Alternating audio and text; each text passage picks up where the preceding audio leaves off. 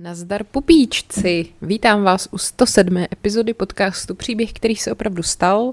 Já jsem Markéta a budeme samozřejmě pokračovat v tématu, který jsem načala v minulé epizodě, takže to nebudu nějak jako protahovat. Jinak ale musím teda říct, že mě mile překvapilo, jaký mi na to přišly reakce. Já jsem se trochu bála, aby to nebylo jako je, ty vole, my, Čína, to nebudu poslouchat. A fakt jako píšete, že vás to baví, že je to zajímavý, samozřejmě děsivý a tak, a že jste rádi, že o tom mluvím, až jsem si chvíli připadala jak nějaký dizident, přitom snad pro boha jako je normální říkat pravdu, ale je fakt, že v tom, co se tady děje poslední roky, už ne úplně tak moc normální. Každopádně teda jdu pokračovat a doufám, že mě nestihne nějaký krutej trest a jdeme na to, takže co se do prdele děje v Číně část druhá.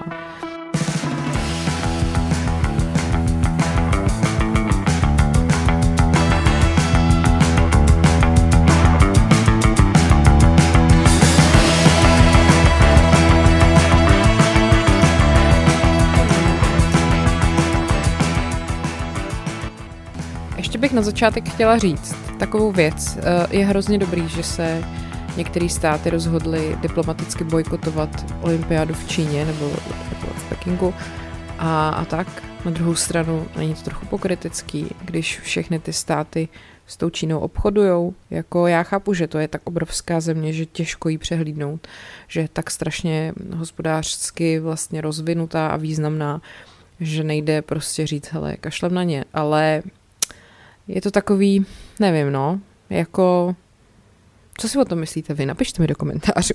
No, tak jo, hele, jdeme na to. Eh, pojďme se podívat na to, jak je to s Ujgurama. Jo? Eh, Čína je totiž obvinovaná za zločinu proti lidskosti a pravděpodobně i z genocidy ujgurského obyvatelstva a dalších převážně muslimských etnických skupin v severozápadní oblasti Xinjiang. A ty skupiny pro lidský práva se domnívají, že Čína právě v posledních několika letech zadržela víc než milion Ujgurů proti jejich vůli v rozsáhlé síti takzvaných převýchovných táborů a tisíce jich vlastně odsoudila k trestům odnětí svobody. Existují taky důkazy o tom, že Ujguři jsou využívaný jako nucená pracovní síla, že ženy jsou násilně sterilizovaný. A některý bývalí vězni eh, z těch táborů taky tvrdí, že byli mučený a sexuálně zneužívaný. Právě Spojené státy patří mezi několik zemí, který tu Čínu z tady tohohle toho páchání genocidy v Xinjiangu obvinili a přední lidskoprávní organizace Amnesty a Human Rights Watch zveřejnili zprávy, v nichž Čínu právě obvinují tady z těch zločinů proti lidskosti. Čína samozřejmě veškerý obvinění z porušování lidských práv v Xinjiangu odmítá, popírá a tvrdí, že její systém převýchovných v vozovkách táborů slouží k boji proti separatismu a k, uh, proti islamistickým bojůvkám v regionu. Jo? Um, a teď, kdo jsou teda Ujgurové? Uh, je to, ten Xinjiang se právě nazývá Ujgurská autonomní oblast Xinjiang, zkrátka je XUAR a žije tam asi 12 milionů Ujgurů, což jsou většinou muslimové. Oni hovoří vlastním jazykem, který je takový podobný turečtině a považují se za kulturně a etnicky blízký středoazijským národům a tvoří vlastně necelou polovinu obyvatel toho Xinjiangu. Eh, v posledních desetiletích dochází k masové migraci Chanů nebo Hanů, já moc nevím, jak se tohle čte, tak se omlouvám, což je teda etnická většina té Číny a migrují právě do toho Xinjiangu a tu masovou migraci údajně organizuje stát právě s cílem jako rozředit to tamní menšinové obyvatelstvo. Jo?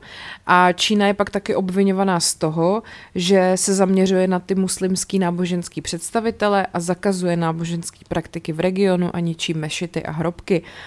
Ujgurský aktivisti tvrdí, že se obávají, že kultura téhle skupiny je vlastně ohrožená, že, že jako Čína se snaží totálně vymazat. No, uh, Xinjiang leží teda na severozápadě Číny a je to největší region té země. A stejně jako Tibet je autonomní, což teoreticky znamená, že má určitý samozprávný pravomoci, ale v praxi oba ty regiony vlastně podléhají velkým omezením ze strany té ústřední vlády. Uh, ten Xinjiang je převážně pouštní oblast a produkuje asi pětinu světové produkce bavlny. A skupiny na ochranu lidských práv vyjádřily obavy, že právě velkou část téhle exportní bavlny sklízí lidi, kteří jsou vlastně jakoby nucenou prací A v roce 2021 některé západní značky vyřadily tu bavlnu ze Xinjiangu ze svých dodavatelských řetězců, což vedlo třeba k odporu čínských celebrit a internetových uživatelů proti těmhle značkám. Jo? Já si myslím, že tohle je jako super krok, jak vyjádřit uh, nějakou nelibost vůči tomu, co se v Číně děje. Takže OK, když už s nimi musíme obchodovat, tak aspoň budeme jako nějakým způsobem vědomně bojkotovat uh, materiál nebo produktu, produkty, které prostě vznikají očividně z nějaký opravdu otrocký, nucený práce. Samozřejmě tohle není jediný případ, že můžeme se bavit o těch uh, dětských otrocích a tak. To je strašně náročná, složitá věc, diskuze, otázka, je to špatně a o tom třeba jindy. V prosinci 2020 uh, eh, ukázal výzkum BBC, že až půl milionu lidí je nuceno sbírat bavlnu v Xinjiangu a existují důkazy, že ty areály, uh, vlastně, že v tom areálu těch převýchovných táborů byly postaveny nové továrny. Ten region je taky bohatý na ropu a zemní plyn a vzhledem k jeho blízkosti ke střední Asii a k Evropě ho Peking samozřejmě považuje za důležitou obchodní spojnici. Na počátku 20. století Ujgurové nakrátko vyhlásili nezávislost toho regionu, ale v roce 1949 se dostal pod úplnou kontrolou, úplnou kontrolu nový čínský komunistický vlády. Eh, k tomu se ještě jako dostanu. Eh, několik zemí teda, jak jsem říkala, včetně Ameriky, Kanady a Nizozemská, obvinuje Čínu ze spáchání genocidy a ta je podle mezinárodní umluvy definovaná jako úmysl zcela nebo z části zničit národnostní, etnickou, rasovou nebo náboženskou skupinu. A tyhle prohlášení pak následují po zprávách, že Čína kromě té internace Ujgurů v táborech provádí násilnou hromadnou sterilizaci ujgurských žen, aby potlačila, vlastně, aby se snížila nebo potlačila počet obyvatel, odděluje děti od jejich rodin a snaží se zlomit kulturní tradice té skupiny. Americký ministr zahraničí Anthony Blinken prohlásil, že Čína páchá genocidu a zločiny proti lidskosti. Britský minister zahraničí Dominik Raab prohlásil, že zacházení s Ujgury představuje otřesné porušování nejzákladnějších lidských práv a britský parlament v dubnu 2021 prohlásil, že Čína páchá v Xinjiangu genocidu. Já to takhle říkám, protože to nejsou jako slova, které si vymýšlím já, nebo jsem je prostě někde našla v nějakém, já nevím, na Wikipedii, ale prostě jsou to slova představitelů eh, v podstatě nejdůležitějších vlád světa. Samozřejmě Vladimír Putin nic takového neřekl, ale to asi nikdo nečekal. Ani Miloš Zeman, ku podivu. Teda, to teda mimochodem bylo výborný, jak jsem minule dotočila epizodu o Číně a v podstatě třeba půl hodiny na to, co jsem jí vydala, tak jsem zahlídla na Twitteru uh, video, kde Miloš Zeman teda uh, přeje do Číny šťastný nový rok a člověk prostě si říká, jestli se má smát, nebo má brečet, nebo prostě neudělat nic a počkat ještě ten rok, ty vole, než se na tom hradě třeba možná něco změní.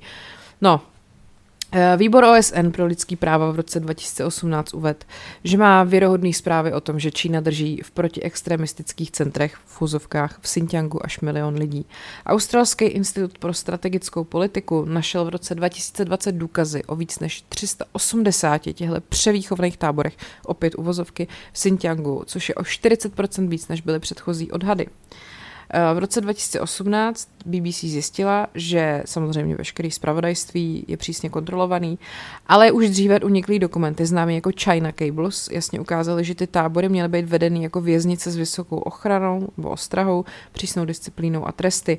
A lidi, kterým se podařilo z táboru uprchnout, nebo ty, ano, lidi, kterým se podařilo z táboru uprchnout, hlásili fyzický, psychický i sexuální mučení, a ženy hovořily o hromadném znásilňování a sexuálním zneužívání. Eh, od 90. let 20. století totiž v tom Xinjiangu sílily protichánský a separatistický nálady. Ty chánové, jsem říká, to jsou ty, to je ta etnická většina Číňanů. A ty někdy přerůstaly v násilí. A v roce 2009 potom v Xinjiangu při střetech, kdy Číňani obvinovali Ujgury, kteří chtěli vlastní stát, tak, tak při tomhle při těch střetech umřelo asi 200 lidí ale ty masivní bezpečnostní represe veškeré tyhle ty věci jako potlačily a ten Xinjiang je vlastně momentálně pokrytý takovou všudy přítomnou sítí dohledu, včetně policie, kontrolních stanovišť a kamer, který snímají všechno od poznávacích značek až po obličej lidí. A podle organizace Human Rights Watch policie taky používá mobilní aplikaci ke sledování chování lidí, například eh, kolik spotřebovávají elektřiny a jak často zamykají nebo jakoby otvírají, zavírají domovní dveře, to prostě, to máte pocit, že jsme v seriálu Black Mirror, jako to je něco otřesného.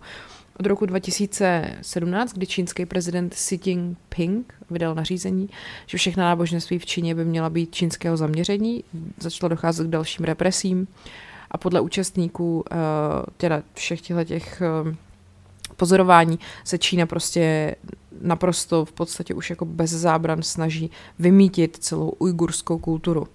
Jo, eh, Čína, jak jsem říkala, to všechno samozřejmě odmítá. V roce 2019 uvedla, že propustila všechny ze systému těch převýchovných, dělám tady prstama zase ty uvozovky, táborů, ačkoliv svědectví z toho regionu naznačují, že spousta lidí je pořád zadržováno a spousta lidí z těch táborů jako sice byla puštěna, ale vlastně ve skutečnosti byly převezený do formálních věznic.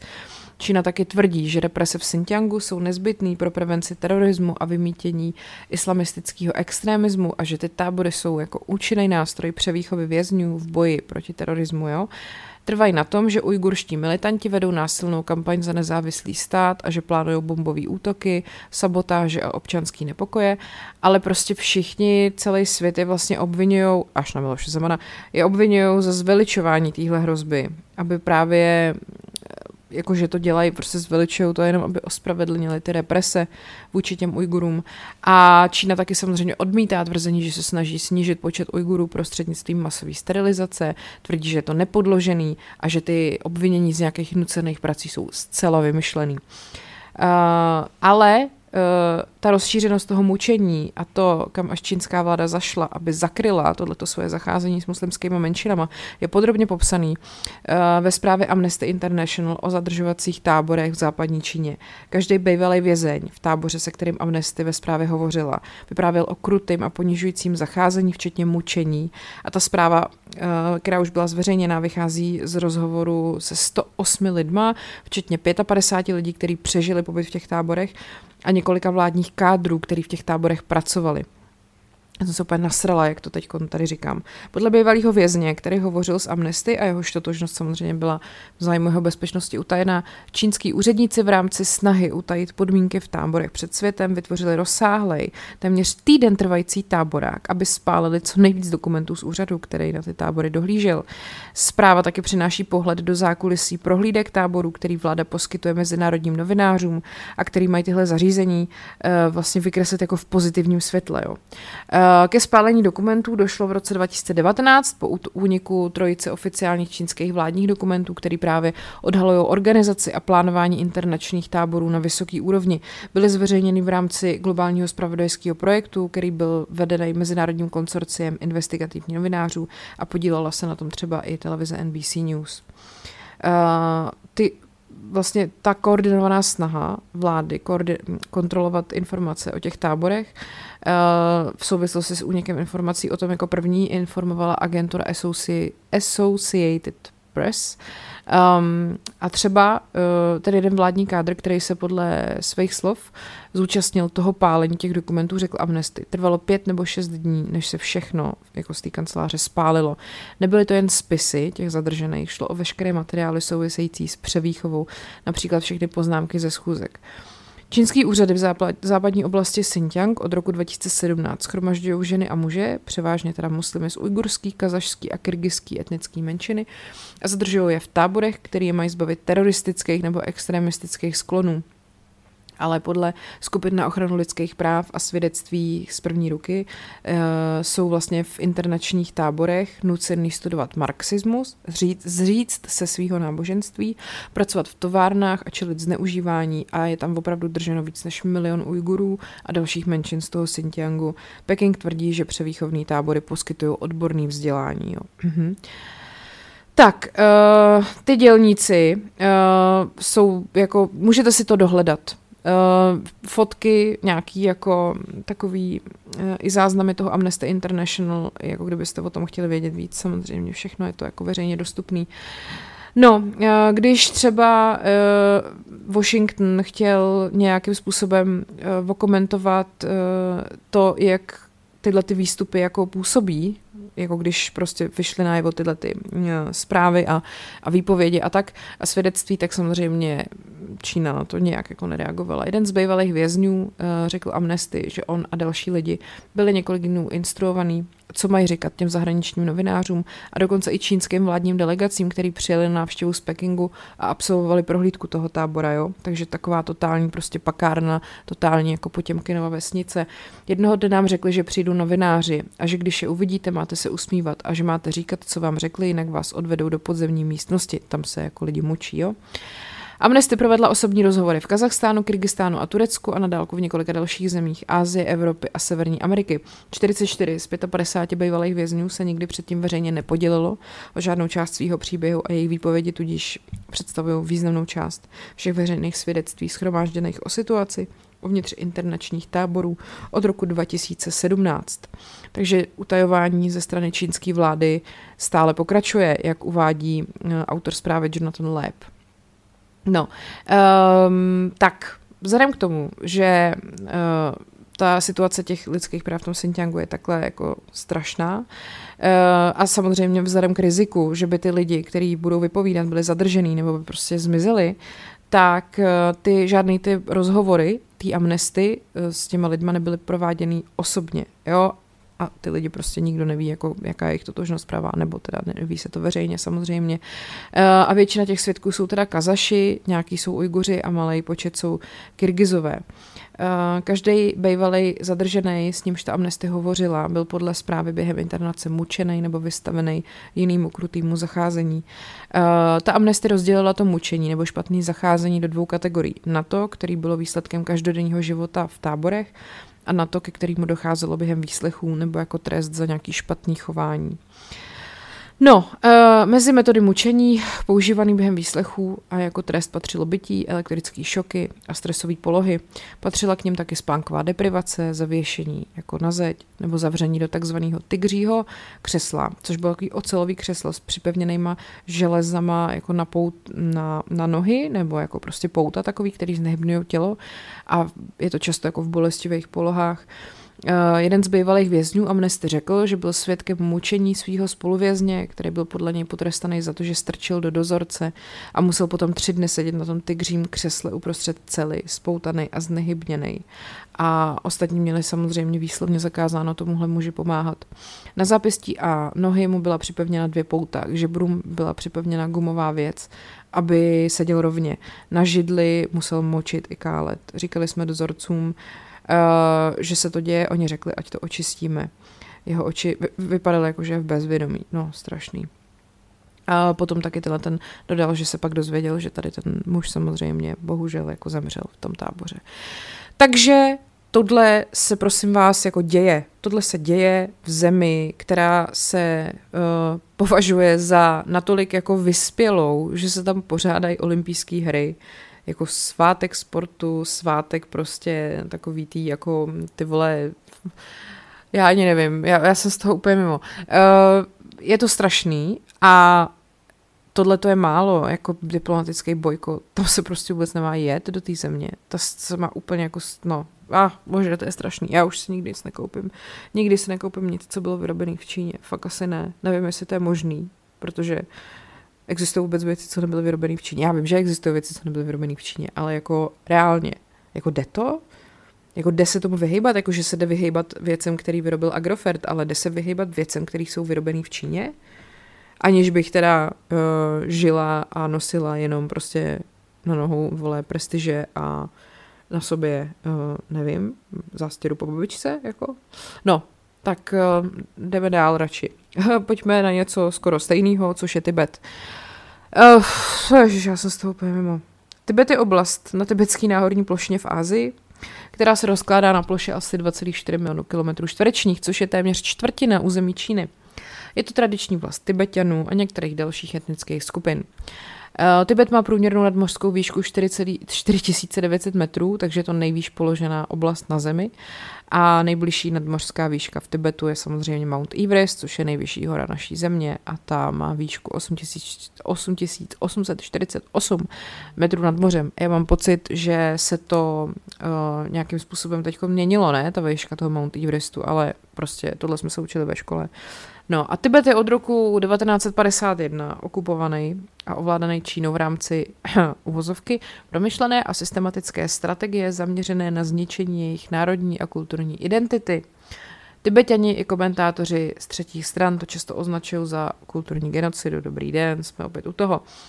Neúspěšný tibetský povstání v roce 1959, při němž se Tibetani pokusili svrhnout čínskou vládu, vedlo k útěku 14. Dalajlámy do Indie, to asi tak nějak víte, si myslím. Uh, od té doby Dalai Lama žije v exilu, 14. Dalajlámu potom následovalo do exilu nejprve několik stovek Tibetanů a od té doby ho následovali tisíce. A když se mluví o konfliktu mezi Tibetem a Čínou, tak se mluví právě o debatě o svrchovanosti Tibetu a v podstatě se jedná o jednu ze dvou takových složitých a sporných politických debat. Ta první se týká toho, jestli by se Tibet měl oddělit od Číny a stát se novým suverénním státem. A ta druhá se vede o to, eh, jestli Tibet byl někdy v určitých částech svý nedávné historie nezávislý nebo podřízený Číně. Um, tak, a teď teda pojďme se podívat na tu podrobnější historii těch čínsko-tibetských vztahů. Jo? Dalai Lama je v podstatě politickým a duchovním vůdcem tibetského lidu. Je to taky významná osobnost přesahující hranice těch jako sekt nebo toho, hm, toho Tibetu, že jo, je symbolem sjednocení státu Tibet s mezinárodním uh, obhájcem jakoby buddhistických hodnot a tradic. A každý Dalai Lama je považován za stělesnění bodhisattvy nebo i budhy uh, a věří se, že vlastně odložil jakoby ten Buddha jako svoji nirvánu a rozhodl se pro znovuzrození, aby sloužil lidstvu. Doufám, že to říkám správně. Další nejvýznamnější osobností tibetského buddhismu je Panchen Lama a Dalai Lama se tradičně podílí na uznání Panchen Lámy a Panchen Lama je součástí procesu, který, kterým je vybíraný nový Dalai Lama. 14. Dalai Lama je současným tibetským vůdcem v línii, která sahá až do roku 1300. Je jednou z nejuznávanějších tváří na světě a je taky nositelem Nobelovy ceny za mír. Po smrti 10. Panchel, pan Chel Lamy uh, byl 14. Dalai Lama, 14. Dalai Lámou prohlášený Gedun Choky Nimou, za 11. Lamu. A pouhý tři dny po vyhlášení, uh, ale čínský úřady šestiletý dítě i s rodinou unesli a na jeho místo potom uh, dali jako 11. Lamu jinýho chlapce. Nebudu číst to jméno, protože to nezvládnu. Takže ten původní se od, 11, od 17. května 95 na veřejnosti už neobjevil, což je divný. Každopádně čínská okupace tak a teď se pojďme podívat na takovou jako časovou osu. Jo? Rok 1935 v malé vesnici v Tibetu se v rolnické rodině narodil muž, který se později stal 14. Dalajlámů. 1949 Mao Tse-tung vyhlásil založení Čínské ledové republiky, komunistického státu, který se zrodil po prostě brutální krvavý občanské válce a Mao Tse-tung vyhrožuje Tibetu takzvaným osvobozením. V roce 1950 je Dalai Lama, který mu byl 15 let, se oficiálně teda stává hlavou toho státu. Mimochodem uh, je o tom natočený skvělý film, myslím, že se to jmenuje Kundin, Kundun, psáno, nesmějte se, já se taky nesměju. A je to takový, no, je to hezký film, doufám, že si to pamatuju správně, že to je o tom současném Dalai Lámovi. Počkejte, já se na to jdu podívat. Tak to říkám všechno správně. Je to opravdu film Kundin, natočil ho Martin Scorsese, je z roku 97 a je to o životě právě 14. tibetského Dalai Lamy, což je ten současný, to je taky ten, co se kámošel s Václavem Havlem a tak a ten, co teďka žije eh, v exilu v Indii. Pokračujeme dál. Um, takže v roce 1951 jsou tibetský představitelé nucený podepsat smlouvu, která je diktovaná Čínou. A ta smlouva, která je známa jako 17-bodová dohoda, se zavazuje zaručit Tibetu autonomii a respektovat buddhistické náboženství. A zároveň ale umožňuje zřízení čínského civilního a vojenského velitelství v Lhase, což je hlavní město Tibetu. Čínská vláda taky považuje uh, eh, 17-bodovou dohodu za takovou právní smlouvu, kterou obě vlády i tibetský lid vzájemně jakoby uvítali tehdy, samozřejmě. Ale Tibetané, včetně právě 14. Dalajlámy, považují za neplatnou a že prej byla podepsaná pod nátlakem. A ta 17-bodová dohoda a její výklad je jedním z ústředních témat toho tibet, tibetsko-čínské debaty. Uh, tak, v 50. letech právě postupně narůstala nespokojenost s tou čínskou vládou a vedlo to k různým výbuchům ozbrojeného odporu. V roce 1959 potom přišlo tibetský povstání a Velha se vypuklo teda a při brutálním potlačení toho povstání ze strany Číňanů umírají desetitisíce lidí. 14. Dalai Lama a většina jeho ministrů potom prchají do Indie a následuje ho asi 80 tisíc Tibetanů a v Indii dodnes žije víc než 150 tisíc tibetských uprchlíků. No a výročí povstání slaví tibetský exulanti po celém světě jako Den tibetského povstání, celkem logicky. V tenhle den se konají protestní pochody a vigílie a jejich cílem je vlastně šířit povědomí o čínské okupaci a o porušování lidských práv, kterým je ten tibetský lid vystavený. A čínská vláda ale tohleto výročí konce povstání slaví jako Den osvobození nevolníků. Takže je to jako výsledek čínských nároků na tu morální autoritu při zprávě Tibetu, který vycházejí z vyprávění, ale to Tibet vlastně jakoby líčí jako feudální nevolnictví a peklo na zemi, jo? protože no prostě máme dvě strany, každá se na to dívá dost jinak. V roce 1965 potom čínská vláda zřídila tibetskou autonomní oblast, takzvaný TAR. A to je v podstatě oblast Tibetu v rámci Čínské lidové republiky a jedná se o druhý největší a nejméně hustě osídlený uh, rozdělení Číny na úrovni jako těch provincií. No a pak přichází rok 66 a Mao Tse-tungova geniální kulturní revoluce, o kterých jsem mluvila minule, a ta zasahuje Tibet a vede ke zničení velkého množství klášterů a kulturních památek, uh, což tohleto společensko-politické hnutí, právě který Mao Tse-tung uvedl do pohybu, si kladlo že za cíl zachovat v zemi komunistickou ideologii tím, že očistí zemi od zbytků kapitalistických a tradičních prvků a prosadí ty maoistické myšlenky jako dominantní ideologie. Asi připadám jak nějaký ty vole učitel marxismu. A tohle hnutí tu Čínu uh, politicky ochromilo, paradoxně, a do značné míry negativně ovlivnilo jako v té zemi vlastně úplně všechno. A jak potom oni sami přiznali, tenhle ten největší, nejtěžší neúspěch a největší ztráty, který ta strana země elit utrpěli, postihl právě i ten Tibet, kde ten odpor vůči Číňanům převládal nebo přetrvával. A ty léta kulturní revoluce tomu Tibetu přinesly těžké ztráty. Během deseti let eh, bylo prostě 1,2 milionu Tibetanů buď nějakým způsobem jakoby v úzovkách zpracováno, vyhladověno nebo ubytok smrti. Rodiče byli nuceni pohřbívat své děti zaživa za jakýkoliv projev neposlušnosti. Dizidenti byli poléváni výkaly a močí a zapalováni, nebo jim byl uříznut nos či ucho.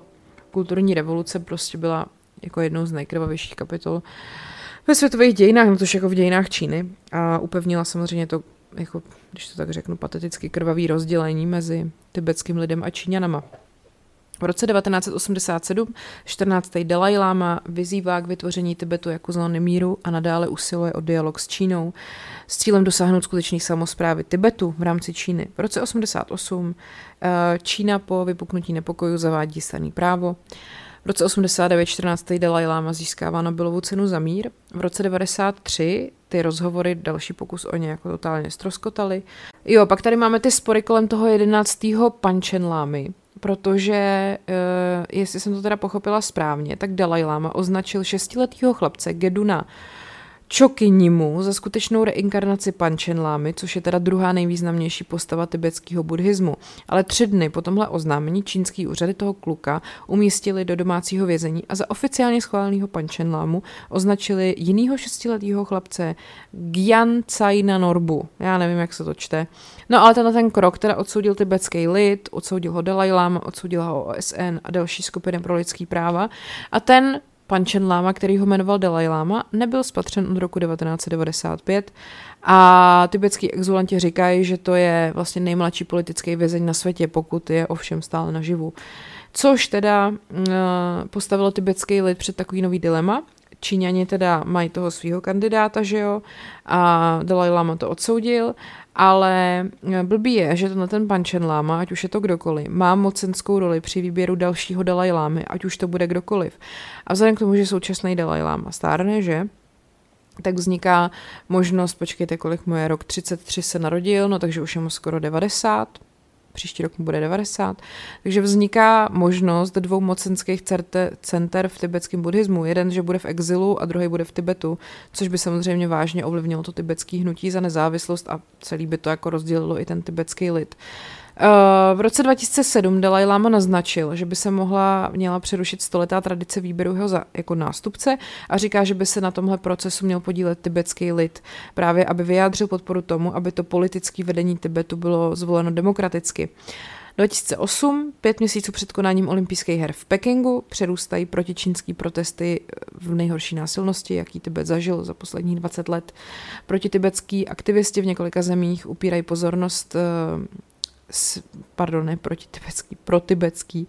Aktivisti v několika zemích upírají pozornost světa na tenhle region tím, že vlastně narušují průběh eh, štafety s olympijskou pochodní.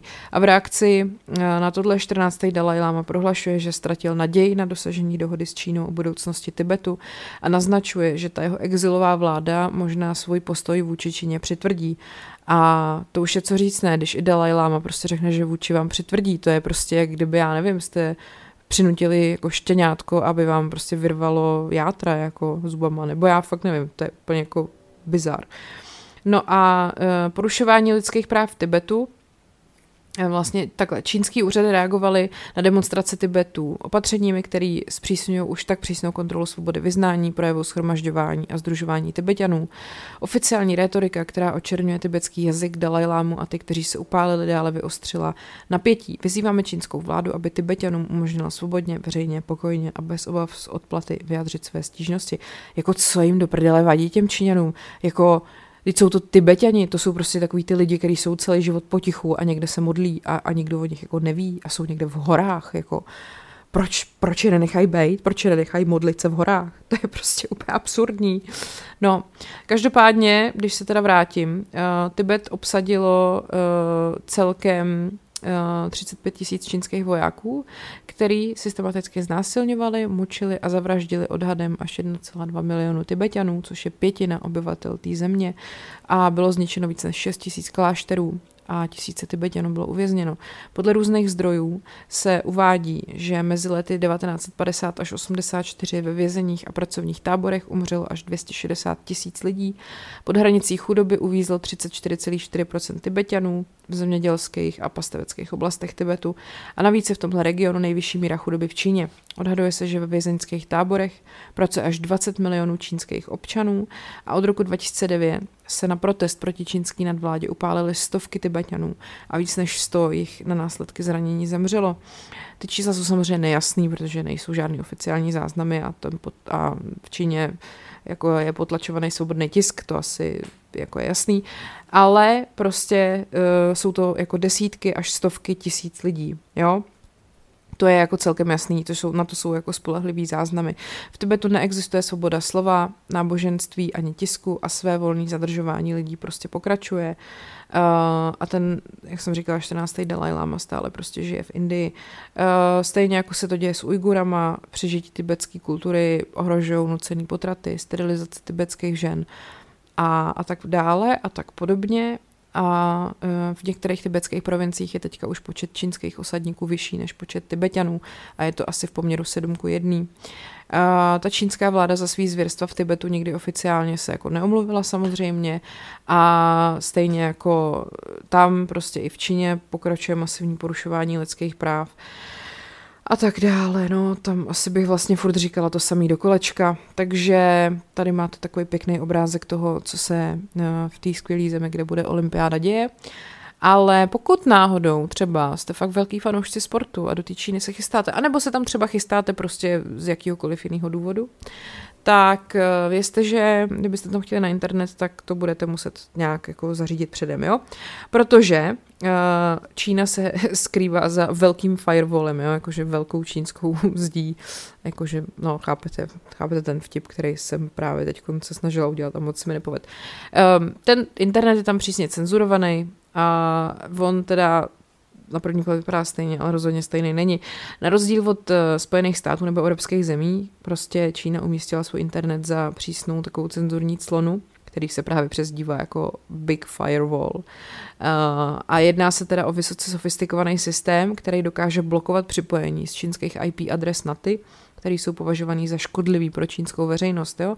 Takže sem patří samozřejmě stránky se zábavou pro dospělí, pak nějaký hazardní hry a pak samozřejmě i stránky s obzvláště násilným obsahem. A nejvíc zarážející ale je, že jen málo zahraničních mediálních stránek je přístupných lidem v Čínské lidové republice. Takže samozřejmě, že lidi v Čínské lidové republice si asi nepřečtou třeba, já nevím, Times nebo uh, Washington Post. Čo? Komunistická strana Číny přísně kontroluje tok informací a dává přednost tomu, aby její obyvatelé nečetli zdroje, které nebyly režimem prověřeny. Ale uh, takže... Uh, Dalším strašákem komunistického režimu jsou samozřejmě nečínské stránky sociálních médií a s jejich údajně podle Číňanů laxní moderací. Jo. Twitter, Facebook, LinkedIn a tyhle ty všechny sociální sítě nejsou z Číny přístupný a jsou nahrazený domácíma verzema těchto služeb. A velký firewall taky neumožňuje na čínském internetu fungovat eh, většině vyhledávačů. A samozřejmě Google tam nejde, jo? Ani Google Drive, ani Google Docs. Kdybyste měli nějakého čínského kámoše, kterýmu chcete něco nazdílet, tak prostě přes Google, Google Docs to nedáte. Uh, Google pozastavil svou činnost uh, v roce v Číně v roce 2010 s odkazem na neochotu spolupracovat s cenzurou čínské vlády. V roce 2018 ale bylo oznámený, že Google pracuje na cenzurovaném vyhledávači pro Čínu s názvem Dragonfly.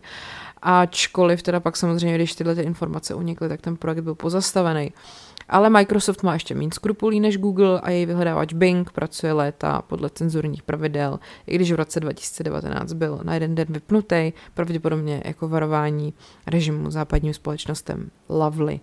Uh, každopádně, ta verze internetu, kterou máte k dispozici, dispozici Číně, eh, se zdá, že je to nějaká pustina, která je jako plná nudných projevů nějakých komunistických aparátčiků, že to bude taková um, digitální verze nástěnky z pelíšků, ale uh, něco tak jako určitě je, ale celkově se to tam hodně paradoxně podobá internetu ve zbytku světa, i když to má samozřejmě zásadní rozdíly.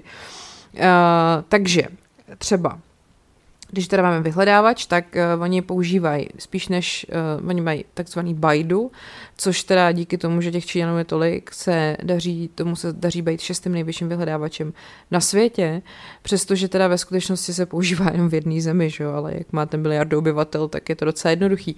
Existují i další možnosti, což právě je třeba ten Bing nebo Sogou, ale to Baidu má téměř 80% trhu, takže je prakticky výchozí. Uh, no a samozřejmě, že Baidu je docela dost velká kopírka Google, pokud jde o prezentace, vypadá dost podobně, ale samozřejmě, že když asi porovnáte nějaký ty vyhledávací algoritmy, tak to bude dost jiný. Uh, to Baidu je pouze v čínštině a zadání anglických výrazů obvykle uh, jako nějakým způsobem um, jako vrátí bez těch anglických slov, jo.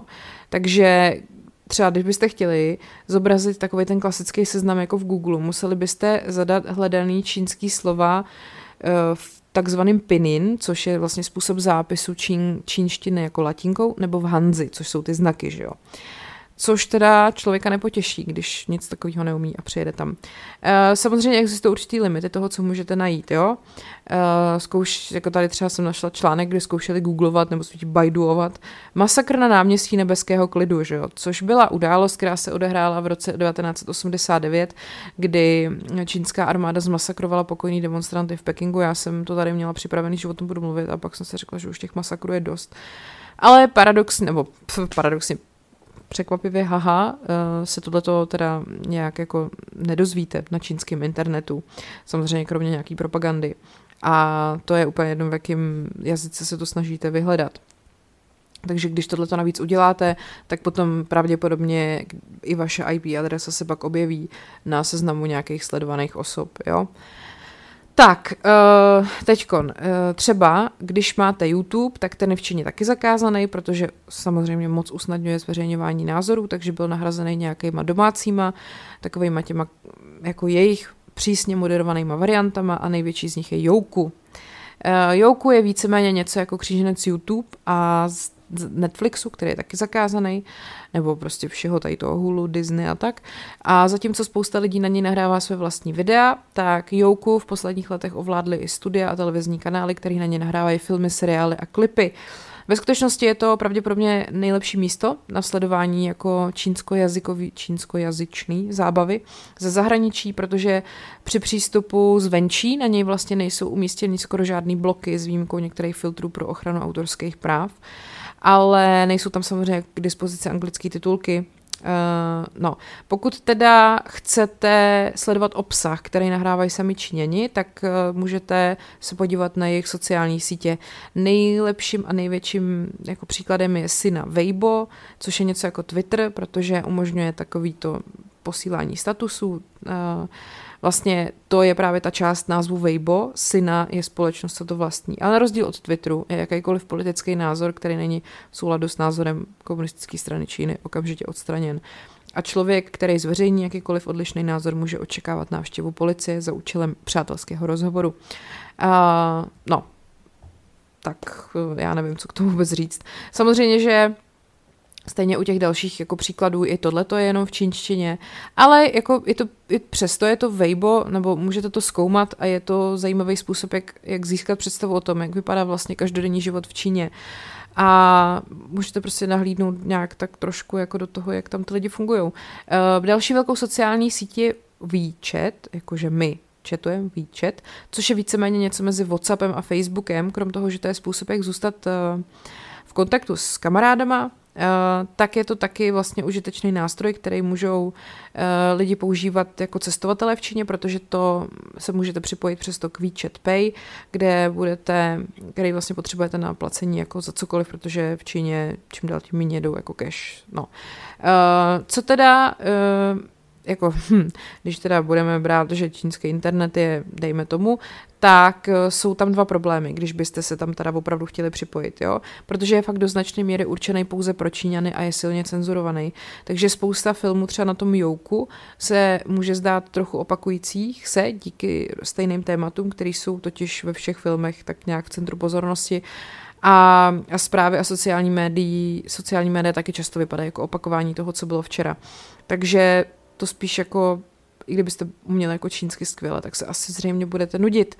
Uh, taky prostě toho moc nevyhledáte, že jo? A navíc, uh, když byste uh, použili VPN, což je vlastně způsob, jak to udělat, abyste jako obešli to, tu čínskou cenzuru, to je jako VPN nástroj na ochranu soukromí, který vám umožní obejít tu čínskou cenzuru přesměrováním připojení na server mimo tu Čínskou lidovou republiku a získáte normální přístup ke službám jako Netflix a Google. A oficiálně se teda za VPN nebo za používání VPN v Číně můžete dostat do potíží, ale cizincům to podle jako většiny lidí, co jsem tak našla, prochází jako bez problémů. Uh, no a tak tady už potom jsou nějaký, bych měla konkrétní návody, jak to máte udělat, když chcete v Číně na normální internet, ale to asi už není třeba jako vám takhle, takhle podrobný návod dát, to už si každý asi umíte vygooglit sám. No, takže prosím vás, eh, teď tady mám ještě takovou poslední eh, část svého povídání půvabného o Číně, už mluvím 42 minut, ale tohle si nenechám jako ujít. Podle zprávy organizace Reportéři bez hranic je Čína největším vězněm novinářů na světě. V současné době jich zadržuje nejméně 127. Jak jsem mluvila o tom velkém projektu Mao Tse-tunga Giant Leap Forward, tak tohle je Giant Leap Back, tak se jmenuje i ta zpráva o tom, eh, jak jsou novináři věznění v Číně. Eh, ta zpráva upozorňuje na problémy, kterým čelí ty, kteří chtějí v té zemi vlastně informovat o tom, co se tam jako děje. Ať už jde o to, že jsou zadržovaný v nějakých nehygienických podmínkách, až po to, že jsou zastrašovaný a vyháněný a podobně. Uh, Šetření v této skupině odhalilo bezprecedentní represivní kampaň, kterou Čína v posledních letech vedla nebo vede proti právu na informace po celém světě. Ty výzkumníci uvedli, že čínský úřady využili pandemii koronaviru jako záminku pro zvýšený represe a rozšířili tak seznam témat na svém cenzurním seznamu, jo, což je třeba i hnutí mýtů. V prosince 2020 byl Zhang Zhan, čínský občan a novinář a bývalý právník, odsouzen ke čtyřem letům vězením v Šangaji za to, že informoval o počátku epidemie koronavirového v Wuhanu. Uh, že obvinění, který se často používá proti dizidentům, jo, že vyvolával hádky a provokace. Uf, no, ministerstvo zahraničí prostě prohlásilo, že jako v čínský myslím, že to jsou jako pičoviny a že tyhle ty to, co on jako reportuje, je protičínský a že všechno, co s ním řeší, je řešeno v souladu se zákonem. No. Nová zpráva rovněž uvádí, že zákon o národní bezpečnosti, který Čína zavedla v Hongkongu, vedl ke zvýšenému počtu hrozeb vůči reportérům a obhájcům svobody tisku, což některý z nich vystavilo riziku do životních trestů a přimělo ty média třeba k ukončení činnosti. Třeba to byly pro, de- pro demokratické noviny Apple Daily, který ukončili činnost e, loni v červnu a před jeho ozavřením byly provedeny i razie v kancelářích a redaktoři byli zatčený. A redaktoři byli zadržení teda prej na základě zákona o národní bezpečnosti za široce formulovaný trestný čin spolčení se zahraničními silami, což je teda jeden z několika trestných činů podle zákona, za který jim hrozí doživotní vězení. Čínský úřady taky loni vyhostili americký novináře z deníku The Washington Post a New York Times jako součást odvety, pardon, předloni za omezení Trumpovy administrativy vůči čínským státním médiím s sídlem v USA, protože klub zahraničních korespondentů Číny obvinil Peking, že využívá novináře jako pěšáky v širších diplomatických sporech. Peking taky vyhostil tři reportéry Wall Street Journal kvůli názorovému článku, který úředníci považovali za rasistický. Mezitím byl Has Fan, člen pekingské kanceláře Bloomberg News, zadržen na víc než 12 měsíců. Úředníci uvedli, že byl zadržen uh, pro podezření z ohrožení národní bezpečnosti. Takže, dobrý den, minulej, uh, nebo takhle, Prostě teď se Čína a Spojené státy do, dohodly na zmírnění omezení pro novináře působící ve svých zemích vzájemně, což byl jeden z prvních jako diplomatických průlomů mezi Bidenovou administrativou a Pekingem. Podle výboru na ochranu novinářů dosáhl uh, v roce 2020 počet uvězněných novinářů po celém světě nového maxima. Celkem je to 274. A jsou to teda, ne, není to jenom v Číně, jo, je to Blízký východ, je to i Evropa. A třeba i ve Spojených státech bylo zatčeno asi 110 novinářů a asi 300 jich bylo napadeno. No, tak to by bylo asi k Číně všechno, já už nemám víc sil tady o tom mluvit, protože je to strašný. A uh, napište mi nějaký vaše dojmy, názory, budu za ně ráda. A příště už se zase vrhneme na něco trošku lepšího, pozitivnějšího. Já zkusím zase vymyslet nějakou hádanku, nějaký osobnosti, protože vás to dost baví. A to je teda ode mě všechno. Pozejtří začíná olympiáda v Pekingu, vlastně zítra a vy na ní co? Nebudete koukat. A to je všechno. Mějte se hezky a tě váš život příběh, který se opravdu stal.